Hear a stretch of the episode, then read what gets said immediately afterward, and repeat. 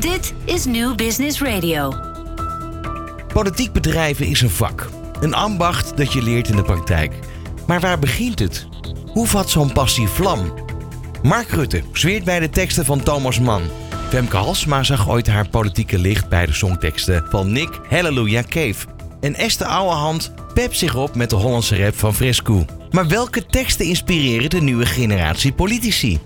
Welkom bij de special Omni Talks, de Kamerkandidaten, op Nieuw Business Radio. Daarin vragen we Tweede Kamerkandidaten van de belangrijkste landelijke partijen naar drie van hun favoriete geschreven teksten. Op welk boek, gedicht of lied vallen zij graag terug? En wat zeggen deze passages over haar of hem als politicus? In deze aflevering praat ik samen met Jacques Bentelheim van Omnicom PR Group met Apple Bruins, de nummer 7 op de kieslijst bij ChristenUnie en inmiddels alweer een aantal jaren Tweede Kamerlid. Hij is als een van de weinige Kamerleden overigens een Kamerlid met een beta-achtergrond. Ik ben Ron Lemmens, van harte welkom. Jacques, wederom eh, van harte welkom eh, in de studio. Dankjewel Ron. En natuurlijk onze gast van vandaag, Apple Bruins. Ook van harte welkom Dankjewel. bij ons in, zijn. in deze serie waarin we natuurlijk kijken naar de achtergrondverhalen. Over achtergrond gesproken, Eppo. Je hebt inderdaad een bijzondere achtergrond. Je komt uit een niet-gelovig gezin. En rond je negentiende kwam je in aanraking met een gospel, gospelkoor. Je werd verzocht mee te zingen en er was een tekst die jou wat deed. Waardoor je uiteindelijk tot het geloof kwam.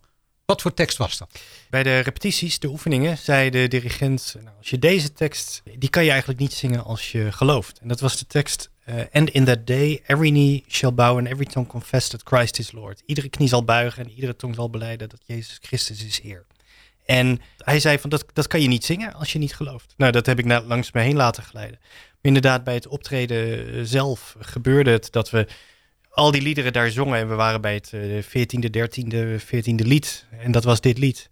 En eh, ja, plots stopt alles in mij en ik kon inderdaad die tekst niet zingen. En dat heeft zo'n enorme indruk op me gemaakt. Het was echt een soort bliksemflits eh, die op me afkwam. Van het is echt zo. En ja, vanaf dat moment geloof ik, ben ik een christen. Was dat eh, ook verrassing voor jouw omgeving? Hoe reageerde jouw familie erop, je ouders? Ja, nou, mijn, mijn ouders eh, hebben me altijd wel naar een, naar een christelijke school gestuurd. En die vonden het ook wel belangrijk dat ik met, met Bijbelverhalen in aanraking kwam. Maar eh, de Bijbel en het geloof had verder niet echt een rol thuis. Dus het, ehm, ja, het was voor hun een, een, verrassing. En in, in de jaren daarna ben, heb ik ook echt wel een zoektocht gehad naar wat past dan bij mij en wat is dan precies mijn geloof. Daar, daar moet je gewoon echt naar op zoek. Wat doet dit binnen in mij? Eh, en ik heb wel het eh, gevoel dat mijn ouders daar ja, wel echt wel respect voor die zoektocht hebben. En een paar jaar geleden zei mijn moeder nog tegen me van... Nou, ik ben best wel jaloers op wat jij hebt. En dat vond ik eigenlijk wel heel mooi. Dat, dat je eigen moeder ook wel ziet dat je nou, veranderd bent en, en gegroeid bent naar een, naar een mooi mens. En ja, dat, dat was een, een mooi compliment. Maar ze heeft jouw weg niet gevolgd. Nou, jawel, diep in haar, diep in haar hart eh, is zij ook wel met levensvragen bezig. Eh, en we praten er ook wel over. We hebben hele mooie gesprekken over. Dus ehm, nou, we, we, hebben het goed met elkaar. Dat is heel waardevol. Een van jouw favoriete fragmenten is een gedicht, Sinds ik het weet, van eh, Jacqueline van der Waals. Een dichteres die ongeveer een eeuw geleden, begin jaren twintig van de vorige eeuw, overleed. En God was een heel belangrijk thema in haar werk. Geloof, zekerheid en twijfel wisselden elkaar af. Eh, net zoals de aan- of afwezigheid van God. Ik begrijp dat natuurlijk op basis van wat je hebt gezegd, dat je dit gedicht hebt uitgekozen. Maar waarom juist dit gedicht van Jacqueline van der Waals? Het gedicht Sinds ik het weet, dat heeft zij geschreven net nadat ze erachter kwam dat ze ongeneeslijk ziek was van kanker. En als je beseft dat het leven zo breekbaar is, ja, dan kan je twee dingen gaan doen. Je kan of in een zwart hoekje gaan zitten mijmeren en zeggen, ja, het leven eh, houdt hier op. Eh, of er gebeurt iets anders. En, en dat is wat zij beschrijft. Eh, zij beschrijft eigenlijk dat, dat haar zintuigen intensiever zijn gaan werken. Ze, ze beleeft alles om haar heen intensiever. De kleuren zijn intensiever, de geluiden zijn helderder. En ook de ontmoetingen met mensen zijn intensiever. En, ze treedt ze op een andere manier tegemoet. Ze gaat anders om met mensen. En ik vind het heel mooi. En ik heb zelf een jaar of tien geleden ook wel zo'n moment gehad van beseffen hoe breekbaar het leven is. Ik ben gezegend met een hele goede gezondheid. Maar, maar ergens in je leven kom je op zo'n punt van ja, het leven is breekbaar, het leven is eindig. En ik heb eigenlijk gekozen ook voor die laatste weg. Om de momenten van vreugde veel intenser te beleven uh, in het hier en nu. Voor mij is dus uh, dit gedicht ook echt een, een, een hoop dat ook juist in je zwartste dagen eh, dat er hele mooie, intense momenten zijn. En uiteindelijk komt Jacqueline dan ook uit bij God zelf. En dat vind ik zo mooi van dit gedicht. Wil je het gedicht voor ons voorlezen? Ja, dat zal ik doen. Sinds ik het weet. Ik weet het wel, of schoon nog onder ons angstvallig wordt ontweken, het boze woord te noemen dat bij het spreken licht ruw of wat onzuiver klinkt van toon. Sinds ik het weet, werd mij de overvloed, de schoonheid en de zoetheid aller dingen, die mij alom omgeuren en omringen, nog wel zo liefelijk en wel zo zoet. Sinds ik het weet, schijnt mij de atmosfeer doorwasemt en doorgeurt van zoele togen. Het is of ieder zintuig en vermogen nog fijner werd en scherper dan weleer. Sinds ik het weet, treed ik wie ik ontmoet, de vreemden en de vrienden op mijn wegen, ontroerder en vertrouwelijker tegen. En ik groet ze met een vriendelijker groet.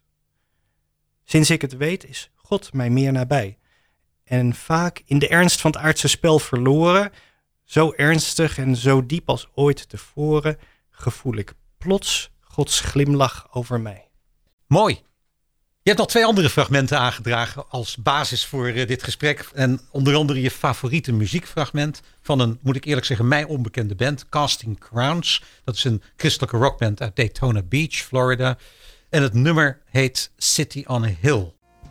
And one by one they ran away With their made up minds to leave it all behind And the light began to fade in the city on the hill Ja, City on a Hill, dat roept twee vragen op. Over welke heuvel, over welke stad praten we en wat betekent het nummer voor je? Ja, de stad op de heuvel, de stad op de berg. Dat is een uitspraak van Jezus zelf geweest toen hij zijn discipelen de wereld inzond en zei: Jullie zijn het licht der wereld. En een stad op een berg, die, die is zichtbaar van, van veraf. En dat is hoe jullie moeten zijn. Jullie moeten dat punt van oriëntatie zijn. Jullie moeten die plek van hoop zijn. Jullie moeten dat die plek zijn waar mensen willen willen zijn. Metaforisch, maar niet een specifieke stad. Nee, nou in de Bijbel uh, werkt alles toe naar het nieuwe Jeruzalem uit, uiteindelijk. Uh, maar dit ging heel specifiek over de taak van discipelen van Jezus in de wereld. En uh, als, als christen sta ik in die traditie 2000 jaar later. En ik wil, ik wil het licht der wereld zijn. Ik wil aan die, aan die opdracht voldoen. En, um, en ik denk dat wij als Nederland zijn we zo'n mooi en gezegend land. Um, we hebben het hier zo goed met elkaar. Eh, Nederlanders hebben een beetje de neiging om te klagen, maar als je vraagt waar zou je dan willen wonen, is er eigenlijk geen betere plek. Het is nauwelijks denkbaar. Um, en ik denk dat Nederland echt de potentie heeft om die city on a hill te zijn, om licht in de wereld te zijn, om een gidsland te zijn in hoe je met elkaar omgaat, hoe je eh, een samenleving met elkaar bouwt, hoe je naar elkaar omziet. En uh, de ChristenUnie en ook onze plannen in ons verkiezingsprogramma, die gaan eigenlijk over hoe kan je nou city on a hill zijn? Hoe kan je dat licht wereld zijn? Hoe kan je met elkaar een samenleving bouwen waar mensen bloeien, waar je zorg hebt voor elkaar, waar je zorg voor de schepping hebt? Um, en, en dat zijn onze, onze kernwaarden en dat is ons diepste verlangen en dat is waarom we politiek bedrijven. Wij gaan het straks nog hebben over de ChristenUnie en jouw rol daarin, tot dusver en in de toekomst. Eerst het derde fragment en dat is weer van een geheel andere orde. Dat is een TED-talk van Benjamin Zander met als titel The Transformative Power of Classical Music. Kun jij in het kort iets vertellen over wie is Benjamin Zander en wat is de kern van zijn betoog?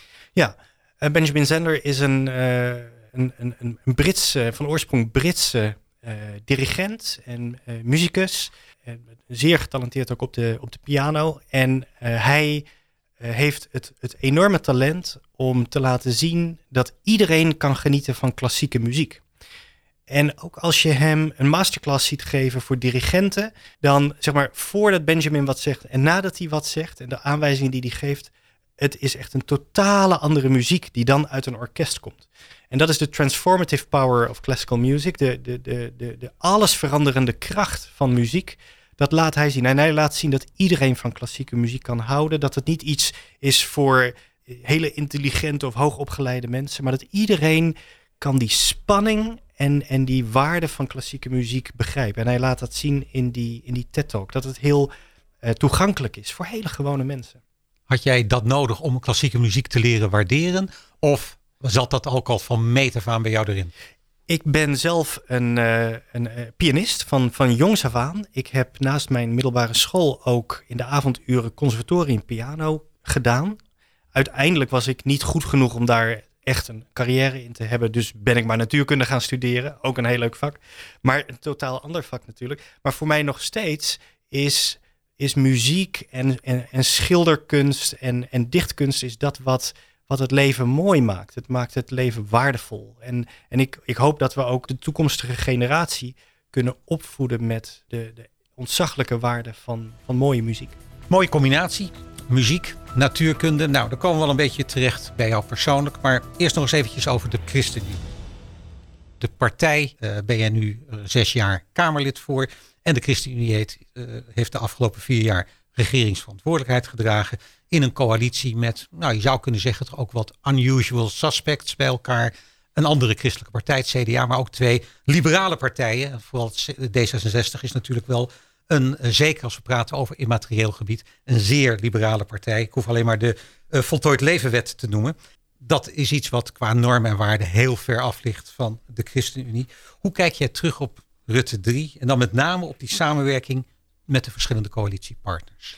Ja, het was een, uh, een verstandshuwelijk, heeft Gert-Jan Segers wel eens gezegd. Het was helemaal geen liefde op het eerste gezicht. En inderdaad, de vier partijen zijn zeer verschillend.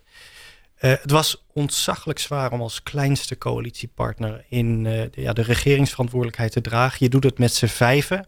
Hè, tegenover een, een, een, uh, VVD-fractie die het met 33 mensen doet. Dus je hebt een waanzinnig brede portefeuille. en, en de verschillen zijn groot. maar ik moet zeggen toch dat in de dagelijkse politiek we met D66 op heel veel vlakken heel goed hebben kunnen opschieten. Omdat we allebei toch wel genuanceerde en redelijke middenpartijen zijn. Maar als het gaat over immaterieel vlak inderdaad, over uh, hoe ga je om met leven um, en, en hoe waardeer je dat, dan, ja, dan, dan zijn we de, de, twee uitersten. En dan is het heel moeilijk samenwerken. Dus het was ook goed dat we daar vooraf afspraken over hebben gemaakt, zodat daar vier jaar rust kon worden gecreëerd. Uh, en daardoor hebben we op andere vlakken heel goed kunnen samenwerken. Uh, en uh, was het heel vaak juist de twee wat meer progressieve partijen, ChristenUnie D66, tegen wat meer conservatieve partijen, VVD, CDA. Nee, maar rust creëren, dat betekent eigenlijk dat het is stilgelegd voor de komende afgelopen vier jaar. Uh, en het nu weer dus omhoog stijgt in de agenda van de ChristenUnie. Nou, het, het is, kijk, het, de, ethische onderwerpen, medisch-ethische onderwerpen, de zaken die gaan over normen en waarden daar kan je altijd alleen maar voor een bepaalde periode kan je daar je, je stempel op drukken.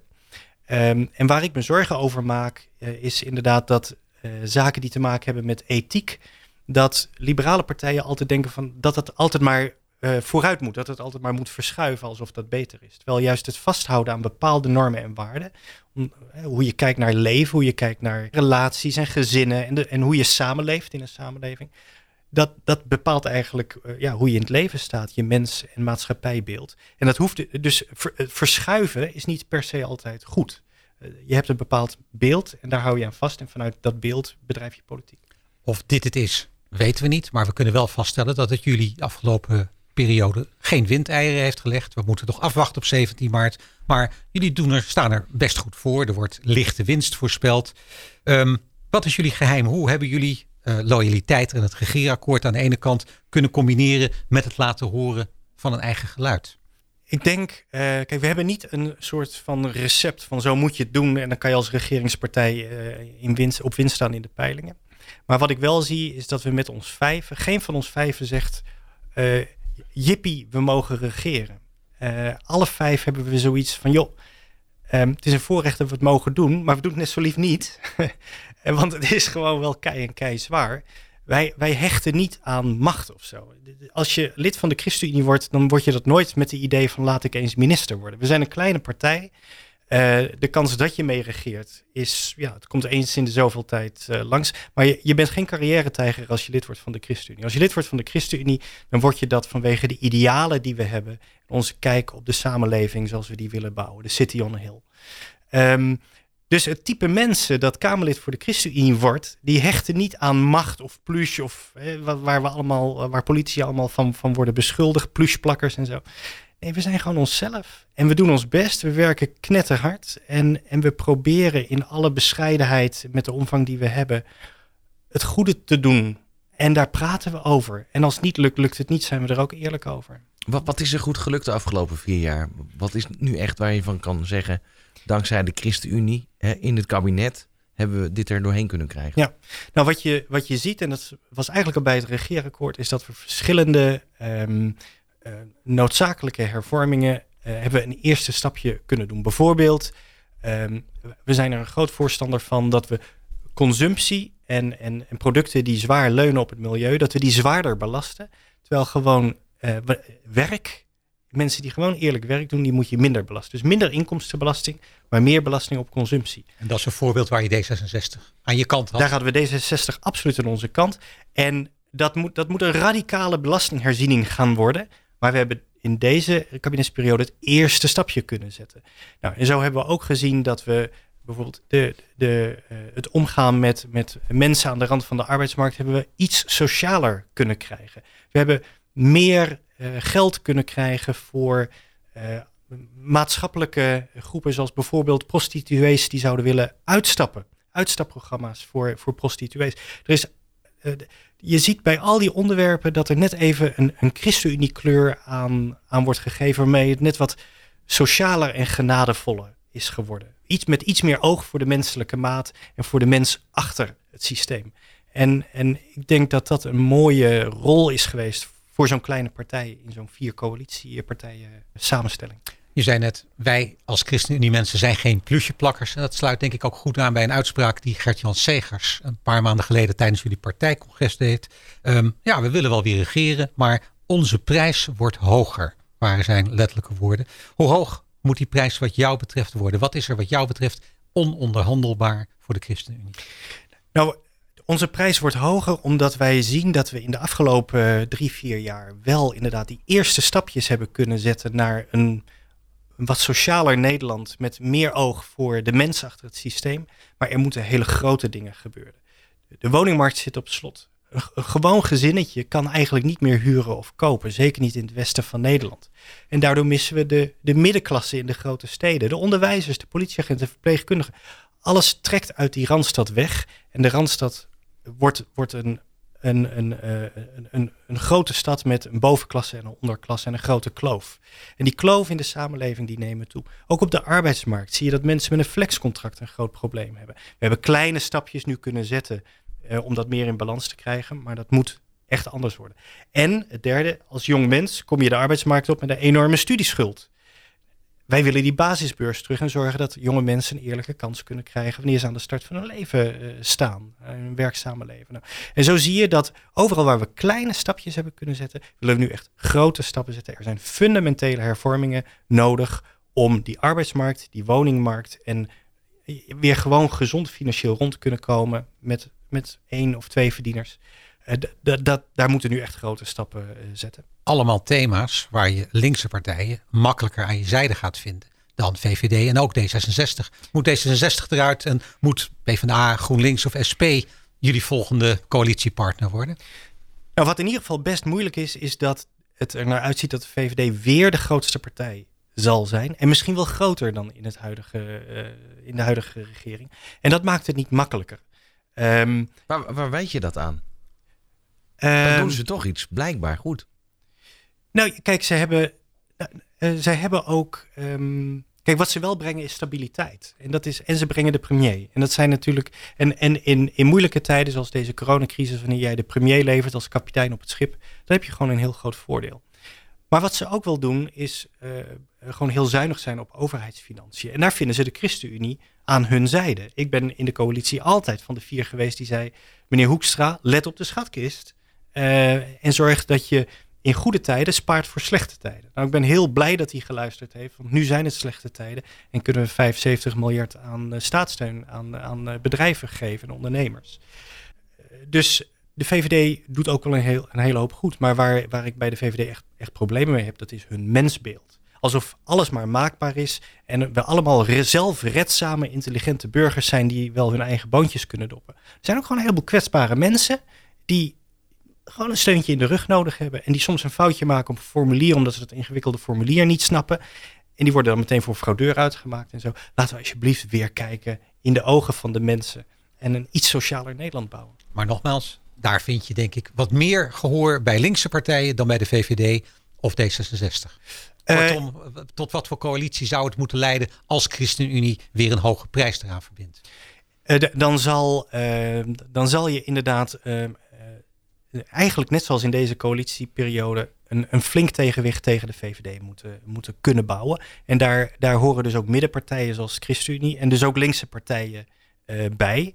Dus er zal inderdaad ook uh, aan de linkerkant van het spectrum zal er iets bij moeten. Dat was nu misschien wel D66. Dat wordt misschien wel P van de A. En die wil dat dan weer niet alleen en zo. En dan wordt het allemaal heel ingewikkeld voor de VVD. Het voordeel van, van ChristenUnie is, wij zitten daar middenin. Uh, en wij, wij gaan wel kijken of we nodig zijn. Uh, en, en we lopen niet weg voor verantwoordelijkheid. Maar uh, ook een volgend regeerakkoord zal weer een duidelijke kleur van de ChristenUnie moeten hebben als we daar aan mee zijn. We zoomen even in op de politicus. Eppo Bruins. We hebben het gehad over de mens, we hebben het gehad over je partij, maar de politicus. Jij bent een gepromoveerde natuurkundige en dat draag je ook uit op je persoonlijke site op de Tweede Kamer. Je afficheert je als een echte beta en je schrijft erbij, die zie je niet zo vaak in de Kamer. Heb je dat exacte talent, je exacte kennis kunnen aanwenden de afgelopen Kamerjaren? Ja, wat je heel duidelijk merkt is dat ik een, een Kamerlid ben van de inhoud. Ik vind het heerlijk om in die dossiers te duiken en de cijfers te vreten. Um, de cijfers worden door veel Kamerleden meestal overgeslagen. En ik begin bij de tabel op pagina 21. En die, al die teksten daarvoor, daar word ik echt helemaal tureluurs van. En in die tabel zie je gewoon in één keer hoe het zit. Dat is de echte beta. ja, ja, en, en um, het, het, spaart je een hoop tijd. Je ziet in één oogopslag in een grafiek of in een tabel hoe het zit. En, uh, en dan hoef je 20 bladzijden niet meer te lezen. En dat, en dat, en dat is wel heel efficiënt werken. Daardoor kan, je, kan ik ook zo'n groot dossier aan. Uh, want ja, ik moet wel als een van de vijf en met Gert-Jan Zegers vrijgeroosterd heb ik eigenlijk, moet ik een kwart van de ministeries afdekken. Dus dan moet je ook efficiënt kunnen werken. Uh, en de manier van beta-denken, dus in structuren en systemen en uh, uh, het, het, denken over systeemverandering, dat is een, een manier van beta-denken die je inderdaad niet veel ziet in de, in de Kamer. En ik denk dat, dat het goed is voor de diversiteit dat verschillende manieren van denken over de werkelijkheid uh, vertegenwoordigd zijn in het parlement. Moeten er meer exacte mensen bij? Vroeger was, uh, had je de campagne een goede meid is op haar toekomst voorbereid. Een goede ja. meid kiest exact. Ja. Nou, het gaat niet heeft, alleen heeft niet geholpen trouwens. Nee, dat heeft niet echt geholpen. ja. um, we moeten meer, wel meer exact in ja, de er moet wel, Ja, weet je, het hoeft niet half-half hoor. Maar we, we, zijn nu met een handje vol. Ik denk zeg maar vier, vijf echte harde beta's tegenover 145 uh, alfa's en gamma's. Uh, ik zou een stuk of 15 à 20 zou ik nou, 15. Dat zou ik al heel mooi vinden. 15 beta's die de cijferspecialisten van de fracties zijn. Niet zozeer financieel specialist, maar de cijfer. Ja. ja, precies. Niet per, ze hoeven niet per se financiën te doen, maar alles heeft met cijfers te maken. De sociale zekerheid, de gezondheidszorg, het, stelsel, het zorgstelsel, die imperfecte markt die daar, die daar is. Hoe zet je nou een systeem goed op dat het werkt? Dat is beta-denken. Uh, en en uh, als, je, als je daar toch ook echt als je die kosten van de zorg in de hand wil houden, die met 2,5, 3 miljard per jaar stijgen, dan moet je daar toch ook een aantal beta's op kunnen zetten. Samen met wat goede economen en gedragswetenschappers, maar ook die beta's, om dat systeem in de klauwen te krijgen. Nou, deze beta die heeft, je zei er zelf al iets over, een breed pakket de afgelopen jaar gehad. Het noodlot van een kleinere partij. Um, financiën, economische zaken, landbouw, onderwijs, sociale zaken. Waar ligt, lag jouw hart nou het meest? En voor welke portefeuille zou je in een komende kabinetsperiode, komende Kamerperiode bij voorkeur gaan? Ja, nou mijn hart ligt wel echt bij jonge mensen. Dus uh, de portefeuille onderwijs vind ik echt wel geweldig. Ik vind het heel mooi om te zien hoe juffen en meesters iedere dag uh, gewoon onze, onze volgende generatie vormen en, en uh, opleiden en de, de dingen leren. En dat is precies ook die middenklasse waar ik voor, voor knop. Die mensen met een heel gewoon eerlijk beroep, met een gewoon salaris, die proberen rond te komen. Gewoon een beetje werken en een mantelzorg en kinderen verzorgen. En, en die mensen, dat zijn eigenlijk de mensen in Nederland die het het, zwaarst hebben. Um, om um, dat allemaal te combineren. Ze moeten zoveel borden in de lucht houden. Uh, vader is net wat oud aan het worden, heeft mantelzorg nodig. Er zijn kinderen die moeten opgevoed worden. Je moet je geld zien te verdienen. En dan wil je ook nog een beetje actief zijn in, in, in, in, je in, in het dorpse leven of je stadsleven waar je, waar je woont, in je omgeving. Nou, en, en dat allemaal combineren, uh, dat komt eigenlijk samen in die leraren die gewoon heel mooi eerlijk werk doen. Maar maar ook de politieagenten en de verpleegsters. Maar onderwijs, onderwijs en de volgende generatie, daar zit echt diep, diep, diep mijn hart. Was het lastig dat juist die portefeuille die je noemt, onderwijs, dat daar een partijgenoot minister was, nog steeds is? Is dat, ja, is dat handig? Uh, ik, nou, dat betekent dat als er mooie dingen gebeurden, dat Arie in de schijnwerper stond. Terwijl ik er soms ook wel wat mee te maken En jij in de coulissen. ja, maar, maar dat kan ik wel hebben. Dat, dat, kan ik, dat, dat vind ik niet zo'n probleem. Maar uh, wat wel heel mooi was, was dat juist op de, de portefeuille van Arie Slop, dat was de grootste uh, groei qua begroting. We hebben 1,9 miljard structureel extra in het onderwijs kunnen stoppen. En het grootste deel in het basisonderwijs. De, de, de basisschoolleraren zijn de beroepsgroep die er in deze kabinetsperiode het meest op vooruit zijn gegaan qua salaris. 8%. Werkdrukmiddelen zijn er gekomen, er zijn meer handjes voor de klas gekomen. Dus het is wel een portefeuille geweest waar heel veel mooie dingen zijn gebeurd. En waar ik ook zie dat aan het begin, drie jaar terug, de, stond het Malieveld vol met protesterende leraren. En het is nu echt een geëmancipeerde beroepsgroep, een trotse beroepsgroep geworden. Die zegt van ja, wij staan wel gewoon voor ons vak en we laten niet zomaar de kaas van het brood afeten. Nou, en dat vind ik heel erg mooi om te zien. Dat die, die uh, meesters en juffen echt zeggen van wij staan ergens voor en wij staan voor ons vak. En ik hou echt van, van, van vakmensen die daar uh, nou, ook die beroepseer hebben. Laten we eens vooruitblikken. En de vraag is, valt er veel vooruit te blikken? Um, want als we praten over de nieuwe periode, is, moeten we realistisch zijn. Het is nog maar afwachten of je terugkeert in de Kamer. Je staat op plek 7. Nou, we hebben het er net over gehad. De ChristenUnie staat er best goed voor in de peilingen. Maar het is nog maar afwachten of jullie die één, of in dit geval twee zetels erbij krijgen ten opzichte van de huidige vijf. Um, hoe voelt het voor jou om na alle jaren van noeste arbeid in de Kamer op plek 7 te staan en te zien dat de partij voorrang heeft gegeven aan een paar nieuwkomers. Mirjam Pikker, Don Seder, Pieter Ginwis. Schuurt dat? Het was wel even een karaktertest, als ik eerlijk ben. Wat, wat doet dat met je? Uh, en uh, je hebt dan inderdaad zo hard gewerkt, 70, 80 uur in de week. Uh, geen dag ziek geweest in al die jaren. Um, en toch merkte ik dat A, toen ik hoorde wie er boven me stonden, had ik zoiets van wauw, wat een gave mensen. Je kende ze al? Hm. Ja, zeker. Nou, en Pieter Gimwis is mijn eigen beleidsmedewerker Financiën. En die is 14 jaar in de schaduw geweest in de fractie. En nou mag hij eindelijk. Maar staat dus, hij boven jou? Hij staat boven mij. Hij staat op, uh, op vijf. En, en, um, en weet je, in die zin ben ik toch die natuurkundige. En, en uh, ik, ik merk in de natuurkunde dat hoogleraren vinden het fantastisch om voorbij gestreefd te worden door hun studenten die een stukje slimmer zijn en, en die eigenlijk de nieuwe ontdekkingen doen. En, en dat, dat boeit me niet. Ik heb, ik heb geen enkel, ik heb niks met status of zo. Helemaal niks.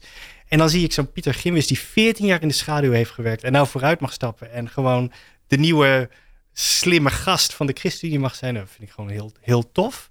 Um, maar, maar het op zo'n plek staan die net, dat net op het randje is, dat is wel een karaktertest. Je weet niet hoe je toekomst eruit ziet. Het is onzeker. Heb je een plan B? Um, nou, ik heb, ik heb wel eerlijk gezegd in de afgelopen weken getoetst of mijn oude netwerk in de wetenschap en innovatie, of ze me nog kennen. En, ik heb gemerkt dat ze, ze, kennen me nog. Ze weten nog steeds dat ik echt iets kan. Hè, want mensen denken van politici altijd, die kunnen niks. Nou, ik kan echt wat. Um, en, en dat weten ze nog. Ze zijn me niet vergeten. Dus ik ben op geen enkele manier bang. En, en als ik het even op de ChristenUnie manier mag uitdrukken, God heeft altijd goed voor me gezorgd. En dat zal hij ook vast in de toekomst doen. Wat zou het kunnen worden? Want je hebt het over de wetenschap. Aan wat voor iets zou ik denken? Stel dat de ChristenUnie blijft steken op vijf of zes zetels. Hoe ziet dan de wereld voor Apple Bruins er na 17 maart uit? Nou, het zullen maar zes zetels zijn. Dan ben ik de eerste op de reservebank. Stel dat we weer aan de regering meedoen. Stel dat er iemand uit de fractie doorstroomt. Boem, na, na een paar maanden zit Stel je er zomaar weer in. nu minister gaat worden, zou zomaar eens kunnen. Wie weet. En, en dus, dus het, het moeilijke eigenlijk van deze plek op het randje is... je kan niet zomaar weer vijf jaar commitment aan een nieuwe werkgever geven. Ik moet iets zien te vinden wat je ook ja, een paar maanden kan doen. Want ik heb wel mijn, mijn beschikbaarheid gegeven aan de, aan de fractie. Um, dus ja, wat, wat kan je nou in de wetenschap en de innovatie, misschien ook met mijn politieke ervaring doen, wat je ook een maand of 6, 7, 8 zou kunnen doen? Uh, zonder dat je meteen een gat achterlaat als je weer, als je weer weggaat. Ik nou, roep consultancy. ja, de, ja, nou, dat, ja, dat, ik vind dat niet zo'n mooi woord, consultant, maar... Adviseur, uh, laten ik, we het Nederlands houden. Ik, ja, ik heb wel nu op dat grensvlak van wetenschap en politiek zoveel ervaring... Uh, dat ik wel denk dat ik daar heel nuttig kan zijn voor kennisinstellingen... om netwerken te bouwen, om, om consortia bij elkaar te brengen, om ja, nieuwe dingen tot stand te brengen. Dat is ook ontzettend mooi werk. Maar ja, volksvertegenwoordiger zijn is toch wel super eervol als je dat mag doen. Maar je zit er niet tobberig bij, stel ik vast. Niet Nee. met de wetenschap of met de angst van, oh jee, hoe moet dat na 17 maart? Nee, ik heb op geen enkele manier angst voor mijn stoel of voor mijn positie. Nee, dat, dat, nou, en dat was die karaktertest. Dat heb ik echt wel kunnen ontdekken in de afgelopen maanden, dat ik dat echt niet in me heb. Ik heb toch een, een, een vraag. En ja, die ligt eigenlijk al heel lang eh, bij mij voor op mijn tong. Eh, ook vanuit hè, eh, ChristenUnie, eh, geloofsovertuiging, eh, inenting hè, tegen het coronavirus, de vaccins. Daar wordt toch weer ook wel signalen worden er opgevangen dat toch vanuit geloofsovertuiging mensen zijn die, die eigenlijk niet willen gaan vaccineren. Hoe staat de ChristenUnie daarin? De meeste mensen die niet willen vaccineren, doen dat niet uit geloofsovertuiging. Dat zijn eigenlijk de, de meer, ja, hoe moet je dat zeggen? De moderne ouders. De, een beetje aan de, aan de GroenLinks kant, antroposofische kant. Of mensen die zeggen van bouw maar gewoon natuurlijke weerstand op, dan heb je geen vaccinatie nodig. De antivaxers? De antivaxers is eigenlijk erg onwetenschappelijk. Ik zit er wetenschappelijk in. Vaccinatie is Mhm. een zegen. Het feit dat wij kunnen creëren, we zijn eigenlijk scheppers van uitvindingen. We zijn geschapen naar Gods beeld, de schepper. Eh, dat er technologie en innovatie is, is ook een zegen. Eh, we zijn slimme mensen en dat er vaccins bestaan die ons beschermen, eh, die ons gezondheid geven, dat is een zegen. En ik, ik heb daar zelf geen, geen principiële problemen mee. En ik moet ook zeggen dat de, de, de wat zwaardere christelijke hoek die dat uit geloofsovertuigen niet wil, dat is eigenlijk maar een heel klein gedeelte van de mensen die problemen hebben met vaccinatie. De, de toegenomen antivax-houding zit in een hele andere hoek en dat is niet een christelijke hoek. Wat vind je ervan als het vanuit christelijke motieven ingegeven mensen zeggen, ik laat me niet vaccineren? Vind je er wat van? Heb je er een oordeel over? Ik vind dat het een grondrecht is dat de overheid niet aan je lichaam komt. Artikel 6 grondwet. Dus eh, iedere drang of dwang bij vaccinatie moet worden voorkomen. Het is echt de keus van mensen zelf.